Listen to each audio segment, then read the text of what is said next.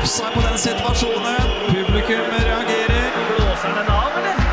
Han kan ikke gjøre det. Ja, det kan jo se ut som om han blåser i fløyta. Er det på Han gjør om situasjonen, faktisk. Oi, det er såpass. Nei, blåser en straffe der? Er det mulig?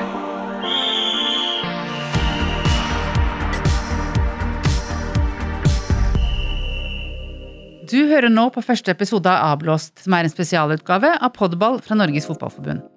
I Avblåst snakker vi om de delene av fotballen som er vanskelige, både på og utenfor banen. Og i de neste tre episodene skal vi ta for oss en mildt sagt kontroversiell idrettsbegivenhet, nemlig fotball-VM i Qatar. Jeg heter Gro Tvedt Andersen, og med meg i studio har jeg Ole Kristian Sandvik, talsperson for Norsk supporterallianse, Jonas Berg Johnsen, sportsjournalist i Viaplay, og fotballpresident Lise Klaveness. Velkommen hit. Før vi tar fatt på diskusjonen, må vi nesten ha litt bakgrunn. Lise, hvordan endte vi egentlig opp her?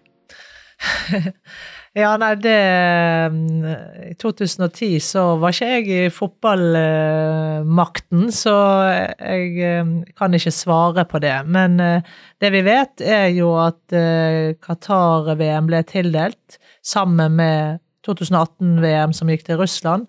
Det var i seg sjøl kontroversielt at man slo sammen to mesterskap, to tildelinger. Det skjedde via en komité som hadde fått mandat til å gjøre disse tildelingene. Sånn var tildelingene før. Det er endret i dag. Vi vet at halvparten av den komiteen som gjorde tildelingen, er, har vært siktet eller dømt for korrupsjon, og, og flere enn det er suspendert fra fotballen. Så vi vet at det var en illegitim korrupt tildeling. Selv om ingen er dømt for denne tildelingen, så vet vi det hvis vi legger sammen alle parametrene. Det er ingen re reell tvil. Og vi vet at um, det var få som i det hele tatt visste hvor Qatar var på verdenskartet når tildelingen ble, skjedde, og det i seg sjøl er veldig kontroversielt, for, for, fotball er verdens største idrett. Og vi vet at det krever stor kapasitet og, og stadionkapasitet, infrastrukturkapasitet.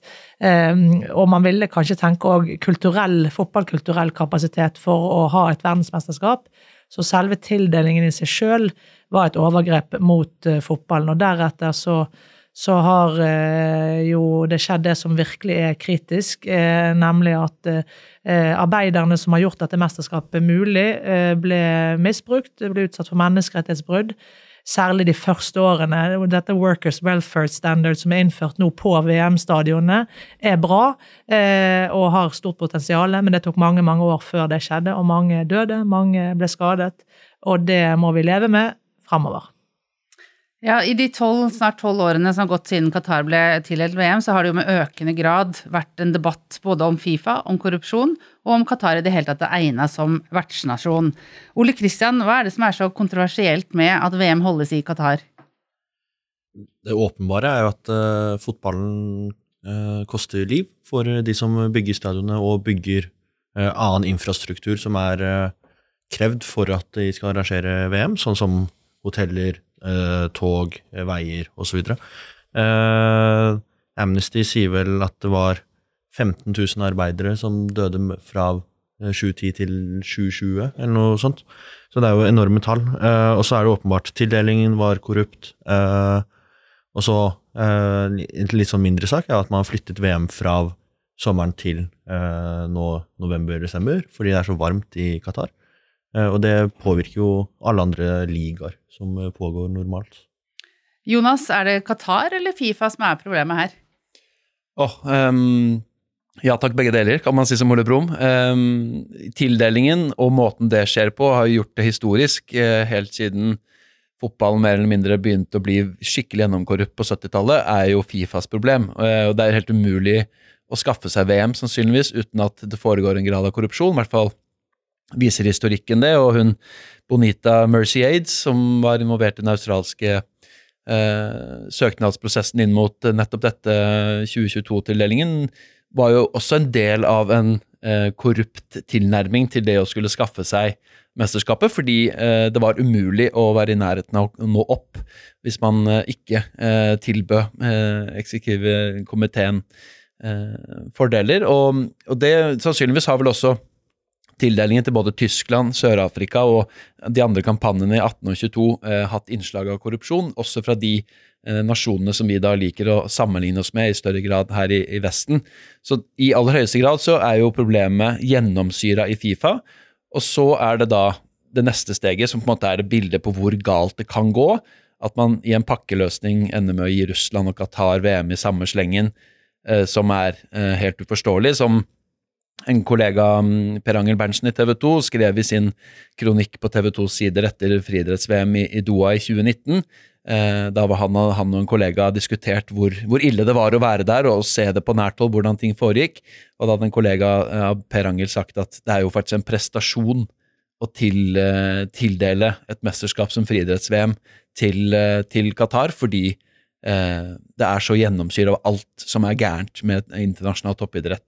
Så eh, problemet ligger eh, hos begge, etter mitt skjønn. Lise, du ble valgt som fotballpresident i mars, og Jonas snakker her om korrupsjon og penger i lomma. Det var noe annet, helt annet du fikk servert da du gikk på som eh, fotballpresident. Hvordan har det vært å stå i denne debatten de ja, syv månedene som har gått siden du ble valgt?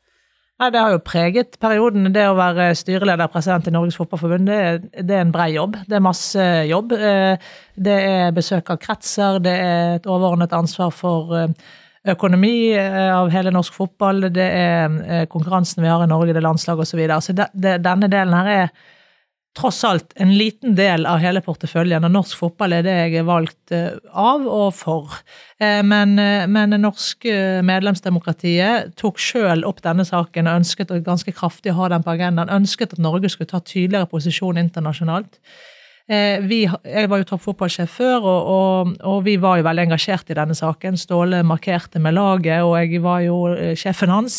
Så, så vi var veldig engasjert i saken, og det er litt symptomatisk for den norske Qatar-debatten, og noe som er veldig motiverende for meg internasjonalt, er at det kom fra sporten. Det kom fra supporterne, det kom fra landslagstrenerne, det kom fra spillerne, selv om det har skjedd uten medienes interesser eller eh, oppmerksomhet, så har spillerne engasjert seg i dette. Det kom fra toppfotballsjef, eh, det kom fra trenere ute, det kom fra toppklubbene, Rosenborg, Vålerenga osv. Så, videre. så Så det preget eh, jobben før valget og det preget det veldig ettertid, særlig fordi vi holdt tale da i Doha som gjorde at vi over natten fikk en stor eksponering på denne saken. eh, For noen veldig positivt, for andre veldig negativt.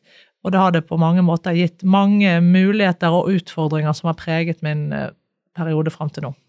Ja, fordi her i Norge så har det jo vært en ganske heftig debatt om vi skulle boikotte VM i Qatar eller ikke, og du nevner markeringene landslagssjef Ståle Solbakken gikk i bresjen for. Da kan vi kanskje høre litt fra Ståle Solbakken. Ståle Solbakken, skal du se på mesterskapet i Qatar? Jeg skal se på mesterskapet i Qatar på TV.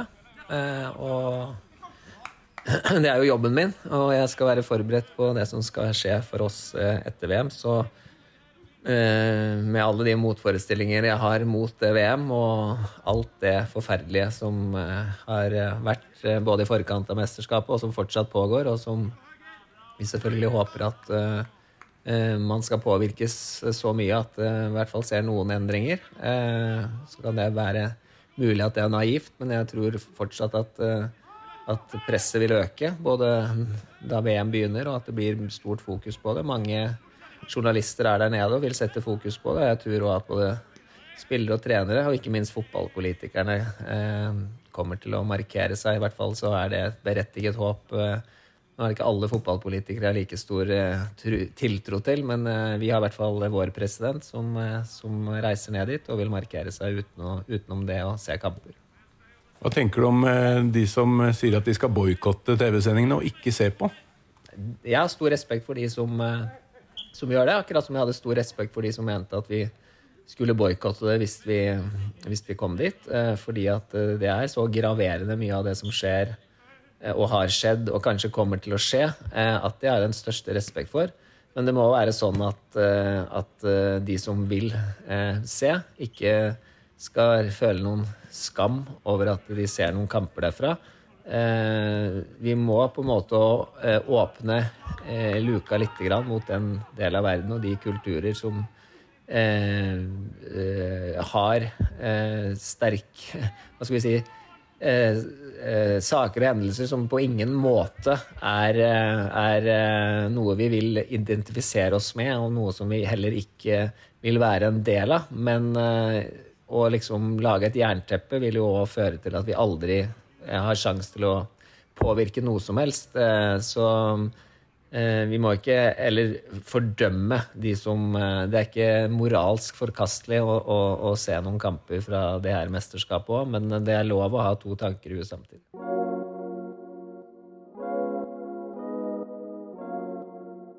I juni 2021 var det et ekstraordinært fotballting der medlemmene i NFF, dvs. Si klubbene, skulle stemme over spørsmålet om boikott eller ikke. Det endte med et nei til boikott. Jonas, hva mener du om den avgjørelsen? Um, jeg mener egentlig ikke så veldig mye om den. Jeg fikk jo med meg at det var veldig mye kontroverser opp mot selve avgjørelsen og måten alt ble lagt fram på. Eh, og så får jo klubbene og de som stemmer, eh, være de som bestemmer om det blir et ja eller eh, nei. Eh, jeg skjønner veldig godt opprøret og hvor det kom fra osv. Så, videre, så syns jeg prosessen virka litt uryddig på et vis, eh, uten at jeg kjenner detaljene i den. Så det mm, trenger jeg egentlig ikke å kommentere for mye, men eh, jeg forstår veldig godt at eh, veldig mange i norsk fotball eh, ønsket en boikott, og så tar jeg til etterretning at det ble et nei, men jeg skjønner også at det er en veldig vanskelig La oss si at Norge skulle kvalifisere seg et mesterskap for første gang på over 20 år og skulle ende med å velge å da trekke laget. Det er jo også en, det er en drastisk eh, ting å gjøre, som hadde selvfølgelig også vært utrolig vrient for, for Ståle Solbakken og spillerne hans. Sånn at eh, en, eh, en betent debatt eh, fikk jeg med meg at det var, men eh, ja, nå ble det nå et nei. En betent debatt, Ole Kristian, og en debatt hvor, hvor dere i Norsk supporterallianse mente at boikott var det eneste riktige, fordi det viser at Norge ikke godtar at fotballen blir brukt til å legitimere brudd på menneskerettighetene, brudd på fotballens verdier og reinvaske diktaturer. Ole Kristian, hva tror du vi ville oppnådd hvis Norge hadde boikotta?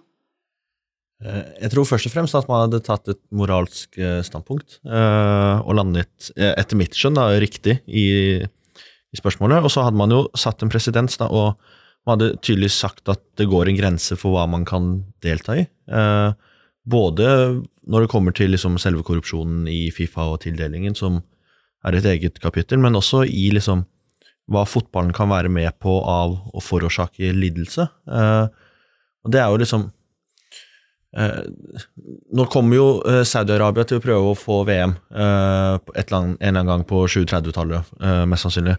Og Saudi-Arabia er et enda verre land enn Qatar, i samme region. Eh, og da er liksom spørsmålet hva man skal gjøre. Eh, jeg tror det er også viktig å huske på at NFF var jo absolutt ikke tilstedeværende eh, fra 2010 til eh, folk begynte å debattere boikott. Eh, samme var jo media. Media brydde seg jo ikke noe om Fifa eller Qatar-VM før medlemsmassen, eller grasrota, i NFF begynte å ta opp spørsmålet.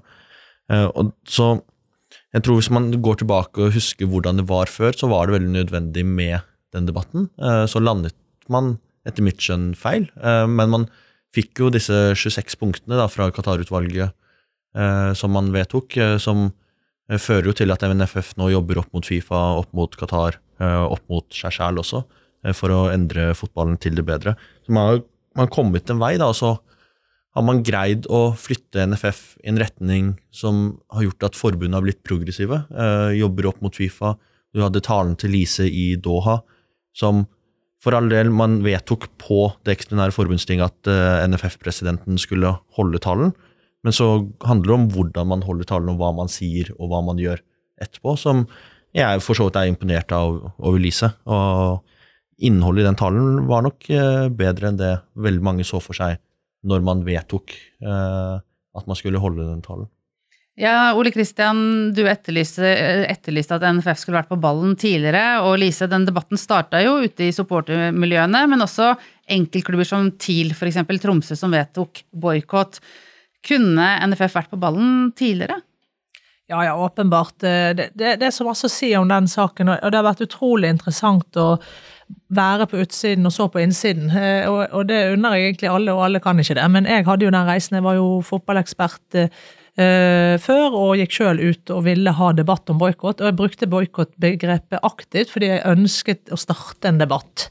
Eh, og, og, og som fotballekspert var det den makten jeg hadde. Sant? Jeg hadde jo ingen annen eh, posisjon. Det var å prøve å starte en debatt. Jeg fikk ikke det til. Det ble ingen debatt. Det ble en Twitter-melding, og så var det noen som sa bra, og noen som sa dumt, liksom. Var, eh, var, da, da var ikke The Guardian-artikkelen kommet. Eh, og jeg skrev en kronikk om det, og, og, og da skrev jeg vi kan ikke spille på, på graven til, til, mennesker. Uavhengig av egentlig om det virker for noe. Vi kan rett og slett ikke gjøre det. Så det standpunktet Ole Kristian gir til kjenne at fotball kan liksom ikke vedkjenne seg det, og at det har en egenverdi å sette en grense. Det har jeg hatt sjøl. Jeg har det sjøl. Eh, men, men, jeg har òg gått over til posisjon. Eh, og, og, det har vært viktig for, for, meg av hensyn til tillit til organisasjonen jeg er en del av, å prøve å åpne om hva er det som gjør at man til slutt, og jeg endte med at vi bør ikke boikotte nå, men under sterk tvil, som du vet, Gro. Vi satt her og gnagde internt, og jeg, jeg balte veldig med dette spørsmålet inn mot ting. Ikke at det var jeg som avgjorde, men hva, skulle jeg hva skulle jeg formidle med den plattformen en toppfotballsjef har? Og når jeg landet på at ikke det var lurt å boikotte, så er det jo en sammensatt uh, greie som jeg er i tvil om. Men særlig fordi Ståle ønsket å ta en sånn posisjon på ekte. Han kom jo inn som en ny landslagssjef, og, og, og, og, jeg var hans leder. og det, Jeg har aldri møtt noen som var så aktiv inn i å tørre å gjøre ting, sette seg inn Amnesty, fikk Amnesty inn på landslagssamling. Og det i seg sjøl var motiverende. Dette må ikke vi stoppe nå. Selv om det var en debatt om vi måtte trekke oss fra kvaliken eller ikke, så var det fra innsiden veldig klart for oss at det måtte vi. Og det må man rett og slett bare bli trodd på at det var vår beste vurdering. Det var ikke for å presse noen, det var vår beste faglige vurdering. Vi må trekke oss fra kvalik. Ergo så fikk man ikke følge det videre. For målet var jo å kvalifisere seg og ha et lag nå med Erling Braut Haaland med Human Rights på, på, brystet, med de dilemmaene det hadde medført, med de diskusjonene om City, med alt mulig. Vi lener oss inn i det. Og det visste Ståle. Ståle vet hva, hva dette blir av tumulter eh, når, du, når, det drar seg til. Og, og, og, og, vi vet alle at han hadde hatt gjennomføringsevne, han hadde hatt støtte til det. Så, så fra innsiden så ble jo det selvfølgelig noe som òg bygger opp under at du ønsker å spille fotball. Du, du, det, det, er en toppfotballsjefs jobb å gjøre, så, men det var en veldig interessant eh, erfaring jeg hadde med inn i det. Og jeg, jeg, er helt sikker på at hadde jeg vært utenfor, så hadde jeg vært for boikott. Eh, eh, eh, så, så, så de, derfor skjønner jeg veldig godt at det er vanskelig å formidle og, og, og, jeg er så glad for at vi fikk noen tiltak med oss som gjorde at eh, Og at vi har supportere som satt i utvalget, selv om supportere er aktivister, det må de få lov til å være, men at de er med i de demokratiske strukturene på en sånn måte at vi får med oss tøffe beskjeder, f.eks. en ordre om å holde tale. Jeg hadde aldri holdt den uten den ordren, fordi den skulle faktisk meldes inn før jul. Eh, og jeg ble valgt tre uker før, så bare praktisk hadde det ikke skjedd. Og vi hadde ikke hatt ekstraordinære ting uten trussel om boikott. Så liker ikke jeg å si det, for man liker jo ikke disse ukontrollerte prosessene. Det er veldig vanskelig å håndtere for et styre. Ethvert styre, NSA-styret òg. Altså kommer det nedenfra noe som, som, bare vokser seg stort, så blir det fort populistisk. Men det var nødvendig i denne saken, og vi må takke oss sjøl for at det ble sånn. Og vi, vi ønsker å endre oss, og vi, vi gjør, nå gjør vi så godt vi kan for å, for å endre oss. Altså, til um, forbundets forsvar da, så uh, er det jo et faktum at dette ikke var i bevisstheten til verken mediene eller supporterne før det gikk altfor lang tid. Man har vel kanskje hatt en visshet om at det har foregått masse grums i internasjonal toppidrett, ikke bare Fifa, men uh, IOC i aller høyeste grad. Men det var jo omtrent bare Andrew Jennings, journalisten, som jobba på egen hånd opp mot Fifa, og han ble jo kastet ut av Fifa-kongressen og fikk jo ikke dekke det på en ordentlig måte. og, og da jeg jobba i TV 2 i gamle dager og vi i diskuterte disse tingene, så føltes det ut som en sånn maktesløshet og en, et så svært fjell å skulle begynne å bore i at hvor begynner du, liksom? Fordi de gutta og damene eh, som tør og som orker å stå i dette fra et medieperspektiv, lever jo liv som er eh, Ikke bare blir de utsatt for trusler, men de er kanskje einstøinger som uh, gjør det til sitt mission i livet, uh, til å virkelig grave i denne type saker. Og det krever faktisk ganske mye av en enkeltperson og en enkeltredaksjon. Og i tillegg så var jo ikke supporterne all verdens på banen heller før det gikk mange år. Og vi så jo supporternes kraft i forbindelse med Superleague, som holdt på å ødelegge europeisk klubbfotball, og som fortsatt kan gjøre det. Da kom supporterne på banen umiddelbart og noe ble eh, kasta på båten med en gang. Hadde supporter grasrotopprøret vært tilsvarende hva gjelder Fifa og tildelinger, så hadde jo dette faktisk endret seg. Det samme kan man si om Lionel Messi og Cristiano Ronaldo hadde vært de som protesterte, og ikke Tom Høgli. Altså, det ligger veldig mange folk her som har masse makt til å gjøre noe, eh, enten som enkeltpersoner, eh, fordi de er kjente og profilerte, eller som eh, supportere og, og medier. Så her er det veldig mange som egentlig må gå i seg sjøl, og det har jo eh, f.eks. både NRK og TV 2 gjort i denne fasen, når de beslutter å, å sende, at de vedgår at de har vært altfor dårlige over lang tid. Jeg tror nok Jonas er inne på noe at liksom, egentlig hele fotballfamilien, eh, og da kan vi inkludere eh, sportsjournalister, sov, og man sov veldig lenge.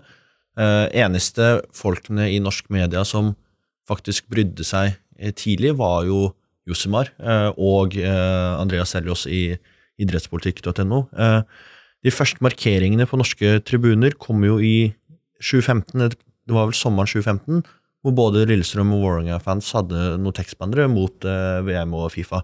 Og det kom jo etter en artikkel i Josimar hvor de hadde spurt eliteseriekapteinene hva de mente om eh, VM og hva de mente om Fifa, eller noe sånt, hvor alle, nesten alle var veldig passive. Eh, og det er nok et problem at man var veldig sånn Jeg tror man tenkte at liksom, ja, nå er VM tildelt, og det er lite vi kan gjøre her på Bjerge-tankegang. Eh, og så kom den uh, artikkelen i The Guardian som sa liksom 6500 er drept uh, der nede i Qatar. Og da var det litt sånn Jeg tror det litt sånn de gikk inn på folk at oi, shit, dette kan ikke vi være en del av allikevel. Og da begynte å balle på seg da med liksom et forslag i Rosenborg og Tromsø som går ut, og så uh, flere og flere klubber som begynner å vedta boikott, og så kommer det opp på forbundstinget, da. Men liksom det var et problem, da, også under hele boikottdebatten, at den fremste politikeren i NFF var jo ikke fotballpresidenten, det var jo landslagssjefen. Det var jo landslagssjefen som tok kampen på vegne av forbundet, med markeringer og var progressiv osv. Og, så og det er jo litt sånn ja, betegnende for hvordan mange har opplevd forbundet i dette spørsmålet fram til Eh, forbundstinget, eller det ekstraordinære forbundstinget i sin tid. Ja, Nå er jo ikke Terje Svendsen i studio til å svare opp akkurat det, men vi har jo nåværende president eh, Lise. Hva, eh, hvorfor tror du den debatten var så mye tydeligere i Norge enn i andre land? Det er jo ingen andre forbund som har stemt om man skal boikotte et mesterskap eller ikke. Det, det gjorde vi her i Norge. Nei, Det er det sikkert mange grunner til, og det er i hvert fall god grunn til å reflektere over det, og ikke på en måte bli selvforherligende. For den ene siden er at vi, vi, vi er litt isolert fra Europa. Vi, vi, lever litt i vår egen verden. Vi, vi, ja, vi har kanskje litt vidløftige tanker om oss sjøl internasjonalt noen ganger, og særlig med tanke på hvor lite posisjoner vi har. Og vi har ikke vært et mesterskap på over 20 år. Eh, og det henger sammen. For plattformen du har internasjonalt, etter Doha f.eks., og talen gikk jo på en måte all over the place, men annethvert spørsmål gikk på Where do you think Erling Haaland will go in the summer window? Så, så en del av plattformen vi hadde politisk, var òg Erling. Eh, og, og, Ada Hegerberg, så, som òg dukket opp hvert femte spørsmål, kanskje. da. Så, så, så, det ene er det. Det andre er og, og, vi må sørge for Vi er nå helt ytterst på skalaen. Vi er, vi er de mest radikale forbundet, det er ingen tvil om det. Og vi jobber ganske hardt for å ikke miste forankring, for det, det, det har ingen verdi. Samtidig som vi er tydelige. Så øh, vi må ha en Vi kunne vært tidligere ute i Norge og kanskje startet en debatt, men vi måtte uansett forholdt oss til det systemet vi er en del av. Den andre delen av at jeg tror Norge har vært de tydeligste, er at vi har et tydelig medlemsdemokrati i Norge. Vi, vi, vi, det skal Terje ha. Han slapp til et ekstraordinært ting. Svenskene og danskene var, hadde til, tilsvarende tilløp. Det var heftige debatter i Danmark og Sverige, og da gikk fotballpresident ut og sa at vi skal til VM uansett, det blir ingen mer debatt om det, og bare låste og kastet nøkkelen. Eh, og, og, og sto for det og gjorde det hele veien. Så, så Terje Svendsen har ikke noe skyld uh, alene for at denne debatten var treig, eller eh, det, det, det, var en, det, var hele Norge. Men resultatet er at Norge er de mest tydelige i dette, uh, og vi må jobbe hele veien for å basere det på innsikt, basere det på dialog, sånn at vi holder broen åpen i begge ender, men samtidig som vi er veldig tydelige på at vi vil ha endring, så ikke vi blir en del av problemet sjøl. Og det der er en, litt av en øvelse, kan jeg si. Jeg lurer på akkurat det med forankringen, hvordan det går etter talen du holdt i Doha. Du har jo uttalt at uh, dialog med Infantino direkte ikke akkurat er uh, glødende. Det er ikke, er ikke på speed dial uh, på telefonene til hverandre. Men én ting er jo forankringen til de andre nordiske, og deretter kanskje de europeiske. Men kjensgjerningen er jo at selv et samlet Uefa, som kan gå knallhardt sammen om hvordan man skal tildele VM osv., vil jo havne i kjempemindretall når Latin-Amerika Afrika og, og, Asia skal også være med å stemme. hvordan kan man jobbe innafor noe som eh, virker altså, så umulig å få på rett kjøl? Eh, og hvordan er den forankringsprosessen? Nei, nei det, det, det er et veldig godt spørsmål, og det er veldig mye å si om. Men måten vi faktisk har jobbet på, eh, med det på, er jo litt samme som, som enhver liten aktør må. Du må jo på en måte Hvilken etappe kan vi løpe? Eh, Vi kan ikke Jeg har ikke, jeg har ikke Afrika tilgjengelig. Jeg når ikke de. Jeg når ikke Asia, selv om vi har hatt mange intervjuer. Den, den talen gikk overalt. Men det er en uke eller to, liksom, så, så er de vekke, og da er det tyske medier igjen, spansk, engelsk osv. Men det er store land. Så vi har sittet i ukentlige møter, og jeg har sittet der sjøl eh, med en annen kollega her på huset, med denne Uefa-gruppen. Og noen ganger har den vært superkonservativ, og jeg følte at det var et sann påstrøing og ren reaksjon for å hindre, mediekritikk. Og noen ganger, og, der beveget seg mer og mer at vi har faktisk begynt å få en samlet kraft, særlig når Infantino til slutt nå sendte ut dette brevet sitt. Da merket at vi har, vi har jobbet så, vi stolte så mye på hverandre at det ble et felles brev fra den gruppen til Gianni. Og for folk utenfor så er jo det et brev, hva er det, liksom?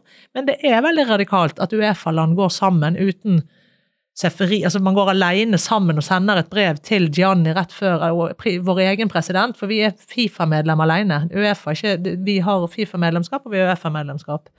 Så arbeidet har dreid seg om for oss å, å være, innhente innsikt gjennom hele året. Sørge for at vi aldri er så radikale at vi mister kontakt med Qatar og Fifa. Og det har vi gjort med Gianni, dessverre. Eh, men vi har bedt om møte nå i Doha, får vi se om vi får det. Eh, være i møtene hele veien, sånn at vi prøver å pushe og hjelpe Tyskland, England, Nederland, de, de store landene.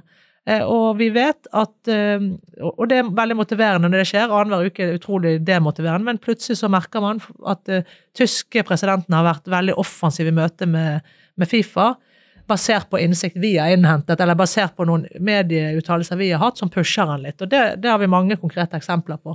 Så vi, vi tenker at vi kan ikke gjøre alt, men vi kan gjøre noe. Alt annet mister du kraft av. Men jeg tenker faktisk at som at Trane kan legge frem et forslag som gjør at vi ender opp der vi ender opp, sånn må vi tenke. Så vi lar oss faktisk motivere av grasrotopprøret i, i Norge. Det, det, man kan få til ganske mye hvis man står i det en stund.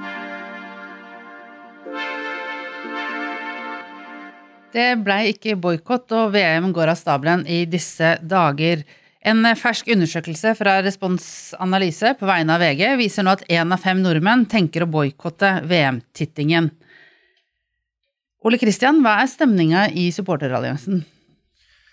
Jeg tror veldig mange av våre medlemmer, eh, hvis man skal si stående syngende supportere, som våre medlemmer, hvis vi definerer det på den måten, eh, boikotter nok eh, TV-tittingen. TV eh, så vil det alltid være folk som vil se VM og sånt. Eh, folk er jo fotballsupportere og er veldig glad i den idretten vi holder på med og snakker om og er en del av. Eh, Så det er nok naturlig at noen gjør det, og noen har nok ikke så veldig sterkt eh, forhold til liksom, hele boikottdebatten. Eh, Support Norge er jo veldig eh, mangfoldig eh, der også. Men det er jo litt feil å si at det er én av fem som ikke skal se VM, da. Eh, for det er vel halvparten eh, i den undersøkelsen sier jo at eh, de ikke ville se VM, og så sier en femtedel at de aktivt eh, boikotter. Eh, så det er jo nærmere eh, to tredjedeler som, av befolkningen som sier de ikke skal se VM. Men halvparten ser vel ikke uansett, sannsynligvis. Det er vel litt sånn Ja. Fotballinteressen skiller seg vel et eller annet tidsp- tidspunkt i befolkningen der. Kanskje sånn som er sofavelgere, at de stemmer, de teller ikke akkurat på valgdagen, men de, men de, fin, de fins jo, og de, de deltar jo i demokratiet på sitt vis. Ja. Men jeg synes det er eh, YouGov eh, hadde en undersøkelse tidligere høst, jeg tror det var i september eller noe sånt, eh, hvor de spurte eh, hele befolkningen i Norge og i flere andre eh, land, eh, både i Europa, men USA og Kenya og sånt også. Og der var jo også Norge blant de som hadde flest som sa de ikke skulle se VM. Jeg lurer på om det var ganske 50-50 om du skulle se VM eller ikke på daværende tidspunkt. Mens i Kenya for eksempel, så, så var det vel opp mot 90% som sa de skulle se minimum én kamp. eller noe sånt. Så jeg tror det er litt sånn eh, Fordi vi har hatt en debatt her hjemme, så er det flere som ikke vil se VM enn det det ville vært hvis vi ikke hadde hatt debatten.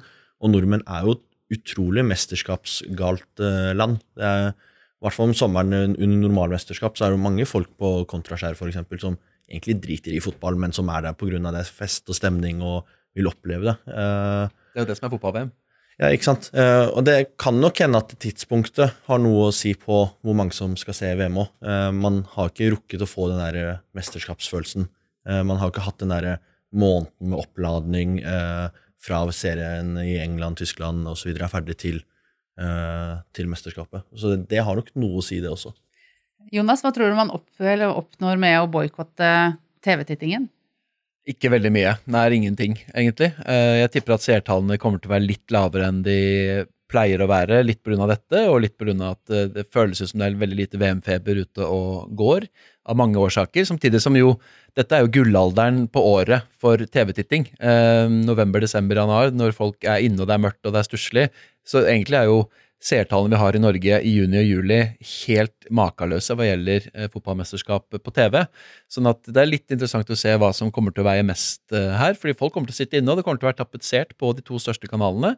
Eh, og jeg er veldig spent på å se hvordan NRK og TV 2 faktisk kommer til å gjennomføre sin dekning. Eh, rykter om at det kommer til å være ganske neddempa studioer. De har jo sagt at ikke de skal benytte seg av disse glamorøse bildepakkene som eh, vertsnasjonen og Fifa alltid pumper ut. At det blir seende litt annerledes ut. Og jeg håper at pausene og opptakten og, og, sendingene rundt kampene, ikke bare nyhetssendingene, blir preget av kritisk journalistikk. da.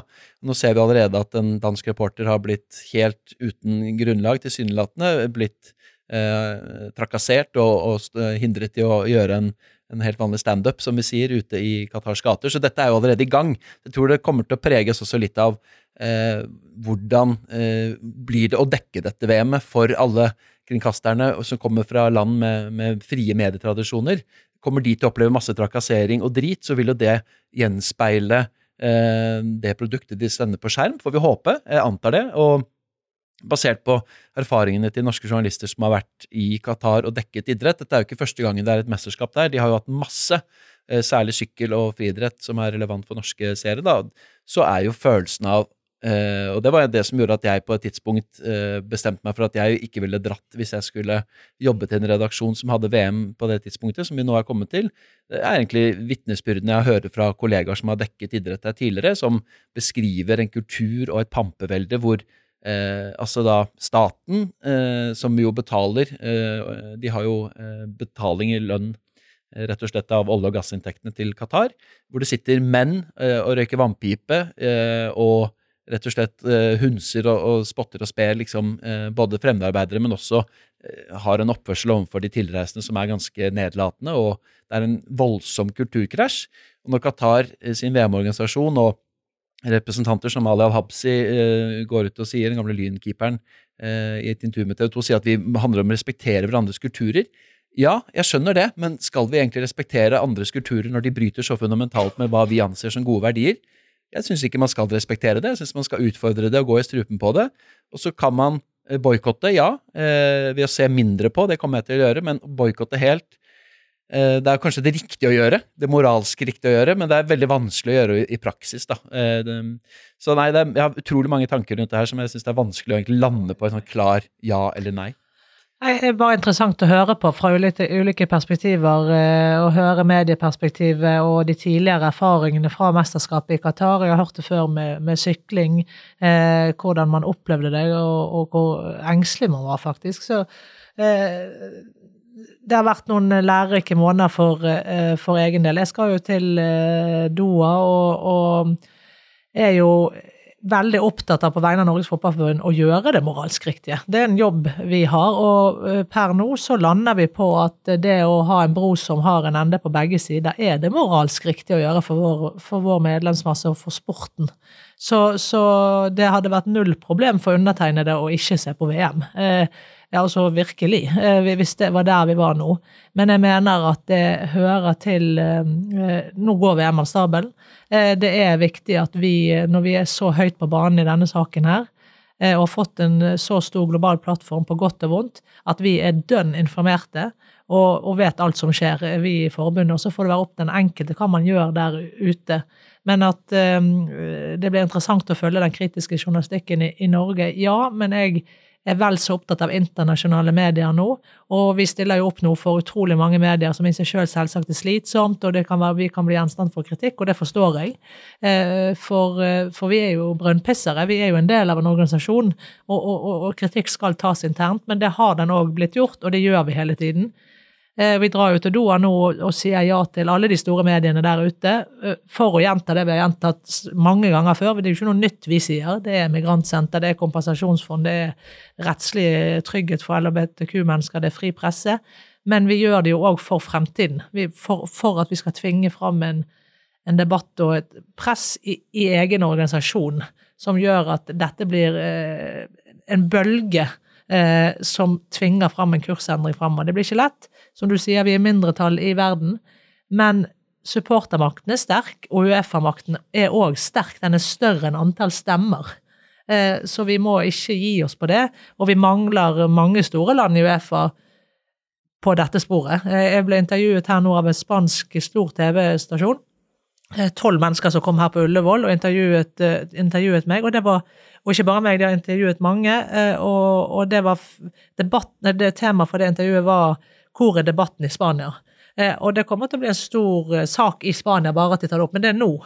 Det skjer nå. De har ikke hatt den debatten i det hele tatt. Og det er et av de landene som intervjuet var minst interessert etter talen i Doha òg. Spanske medier var veldig lite til stede.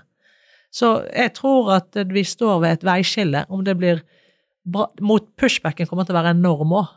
Om det blir bra eller dårlig i den retningen fotballen tar, det vet vi ikke, men vi må være, være engasjert i saken.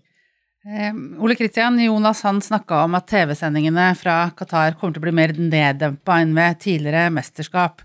Du har jo sagt at du ikke skal se på, på TV-sendingene selv, men, men hva er håpet ditt for, for dekningen av dette mesterskapet fra et supporterperspektiv?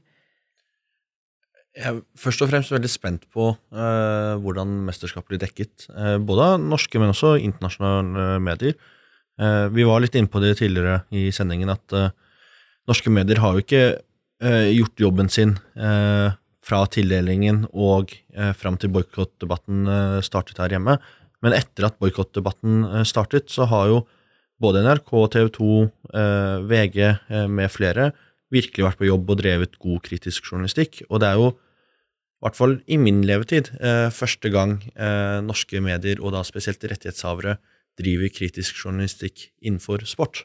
Eh, det er jo kanskje mitt største ankepunkt mot sportsjournalister, er jo at de er en heiagjeng som skal selge et produkt. Det er, driver veldig litt med kritisk journalistikk. Og det Én ting er hva som skjer under dette mesterskapet, men det blir jo også interessant å se hva som skjer med andre mesterskap. Ikke bare fotballen, men i andre idretter osv. Eh, forhåpentligvis er det et paradigmeskifte også i hvordan norske medier dekker eh, mesterskap, og kanskje begynner å dekke også internasjonale organisasjoner. fordi ja, Qatar, eh, eller Qatar-VM er jo et stort problem, men det aller største problemet er jo Fifa, for det er de som tildelte VM-et til Qatar. Eh, det er jo der løsningen ligger, hvis man skal unngå at man får nye mesterskap, sånn som Qatar.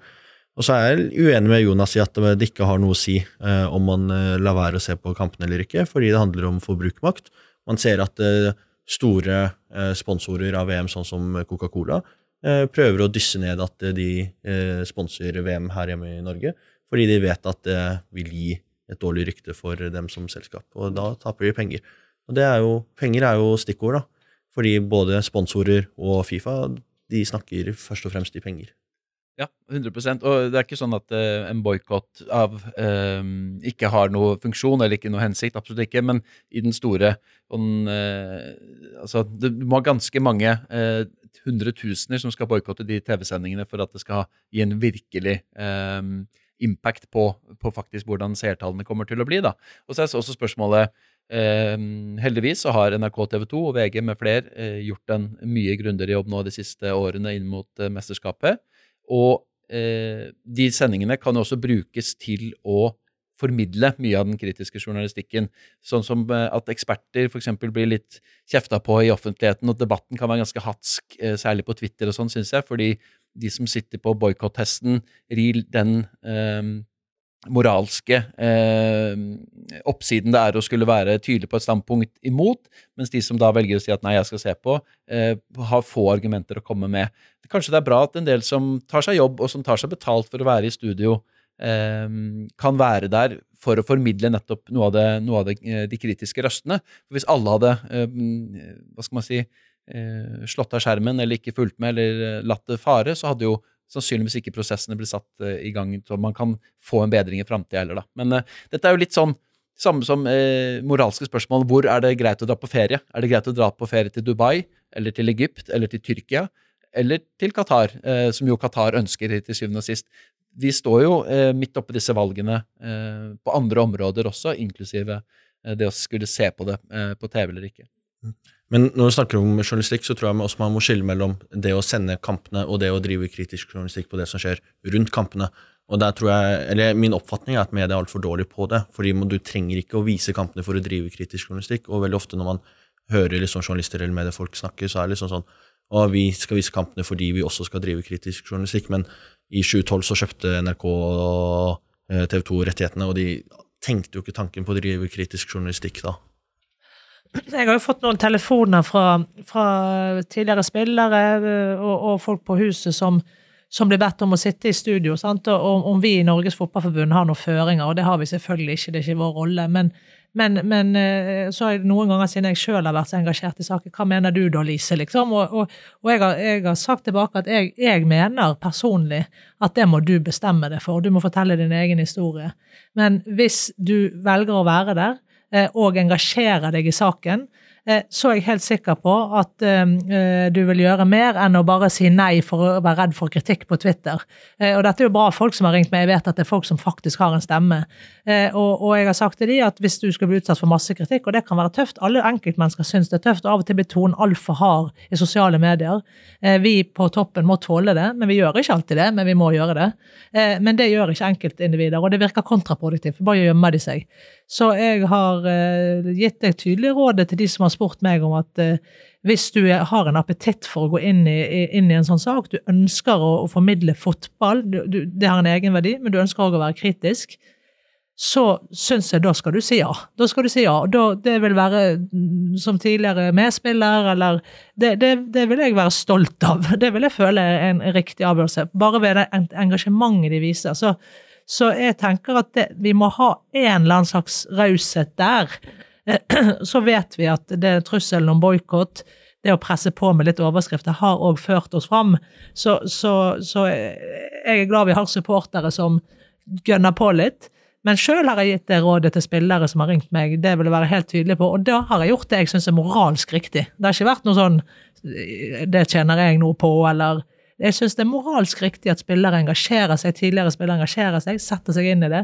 Har sagt de vil ringe til meg eller andre her på huset som kan mye om det underveis i mesterskapet, for å, å bidra til et engasjement i fotballen og Norge rundt både fotball og eh, menneskerettighetsbruddene som har skjedd.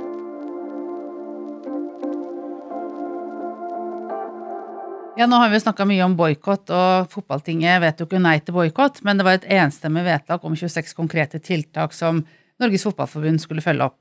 Eh, og Lise, du var inne på at eh, du skal ned til Doha på Summit. Hva er de viktigste sakene blant de tiltakene som er vedtatt for forbundet, som eh, Fotballforbundet følger opp nå? Ja, det, det, er mange ting, men de, de, tre prioriterte sakene som vi presser på nå det, det, Vi har jo gjort en analyse sammen med Amnesty, sammen med BVI, sammen med, med Uefa-landet. Hva, hva, er det som vil hjelpe på bakken her og nå, og som òg skaper på en måte For den store greien her er jo Fifa, sant? som, på en måte skaper en vedvarende samtale framover som kanskje kan gjøre nå. Da er det migrantsenter, å prøve å presse på for å få på plass et migrantsenter, for det er ikke rett å fagorganisere seg i, i Qatar. Eh, og, og, og, et migrantsenter vil kunne være et, et, sted der man har en slags legacy. Eh, for det er ikke lett å ha arv i et land etter et mesterskap. Eh, og det er kompensasjonsfond. Eh, for eh, jeg tror at de som ikke får lønn nå og utsettes for, for eh, misbruk nå de siste årene, de, der er det mekanismer i orden. Men de historiske misbrukene har vi ingen gode mekanismer for. Og jeg tror prosessen i seg sjøl med å få satt på plass en kompensasjonsmekanisme som er foreslått av Amnesty, vil være nødvendig for å adressere elefanten i rommet, sånn at vi klarer å snakke sammen videre. Nordiske landene, afrikanske landene, At vi må rett og slett ha, ha en smertefull prosess nå, eh, selv om det ikke er lett å ramme inn en sånn mekanisme. Og så er det LHBTQ-rettigheter. Eh, rett og slett fordi vi vet at det vil være krevende fremover å tildele mesterskap til et land som forbyr homofili. For da tar du vekk en hel gruppe. Eh, selv om vi ønsker at fotball skal spilles i alle land. Så vi må finne et språk for det. Vi kan ikke liksom svart-hvitt uh, framover. Vi vet at mange land har forbud mot homofili. Det Sånn er det bare. Jeg liker ikke det, men jeg har lyst til å snakke med de landene. Jeg har lyst til å være en fotballpresident som snakker med de landene, og faktisk også lytter og lærer tilbake. Så det er de tre tingene vi vil ta opp der nede. Ingen tror selvfølgelig på at vi får noe gjennomslag. Nå er det mesterskap. Det blir offisielle, fasadepregede samtaler, men det har, tror vi, en politisk verdi at vi er litt sta på å ta det opp rett før ballen sparkes i gang. Og jeg må si, som fotballperson, det gjør vondt å drive og ta opp sånne ting rett før mesterskapet, og, og, på en måte være den som gjør det når man skulle snakket om fotball. Det føles helt på trynet, men der er vi kommet, og der må vi være. Ole Kristian, hva er det viktigste for deg og supporteralliansen at NFF bringer med seg ned til Fifa Summit? Jeg tror hvis man skal se langsiktig, så er det eh, å jobbe opp mot Fifa. Eh, prøve å få endret Fifa.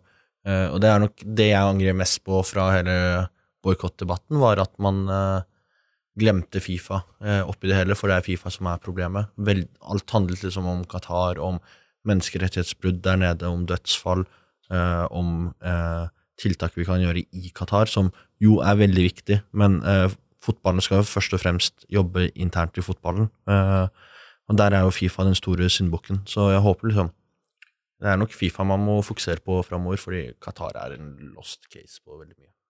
Ja, da skal vi snart runde av, men eh, Jonas, hvilke muligheter har vi egentlig til å påvirke Fifa? Um, ja, si det. det jeg syns jo den Netflix-dokumentaren eh, som spenner over fem tiår med grunnforankra korrupsjon eh, og en Eh, Gianni Infantino som kommer inn og er et slags eh, smilende bilde på at eh, nå skal det ryddes opp, og så ender han med å flytte til Qatar og knytter seg tettere og tettere til både Putin og, og Saudi-Arabia. Så mm, jeg er ikke veldig positiv eller forhåpningsfull, egentlig, må jeg innrømme. Jeg um, heier på de som ønsker endring, enten det er NSA eller NFF, og ønsker lykke til. Jobben er nok så tøff at du må sitte noen tiår som president for å snu hele den skuta der, tror jeg, Lise. Men eh, det, hvis vi tar runden rundt bordet med angring Så jeg har jo intervjua Gianni Infantino en gang før en eh, landskamp mellom San Marino og Norge, hvor han av en eller annen merkelig grunn var på plass. Det var vel sikkert for å eh, ja, smigre de San, eh, San Marinos fotballmyndigheter. Eh, Eh, og Da snakket jeg med han før kampen på indre bane, og det er jo et tid og en sted eh, for alt. og Ofte så er det jo slik at vi som jobber i pressen, må intervjue folk som har svim på skogen, eller har agendaer i andre sammenhenger som vi gjerne skulle tatt opp med dem.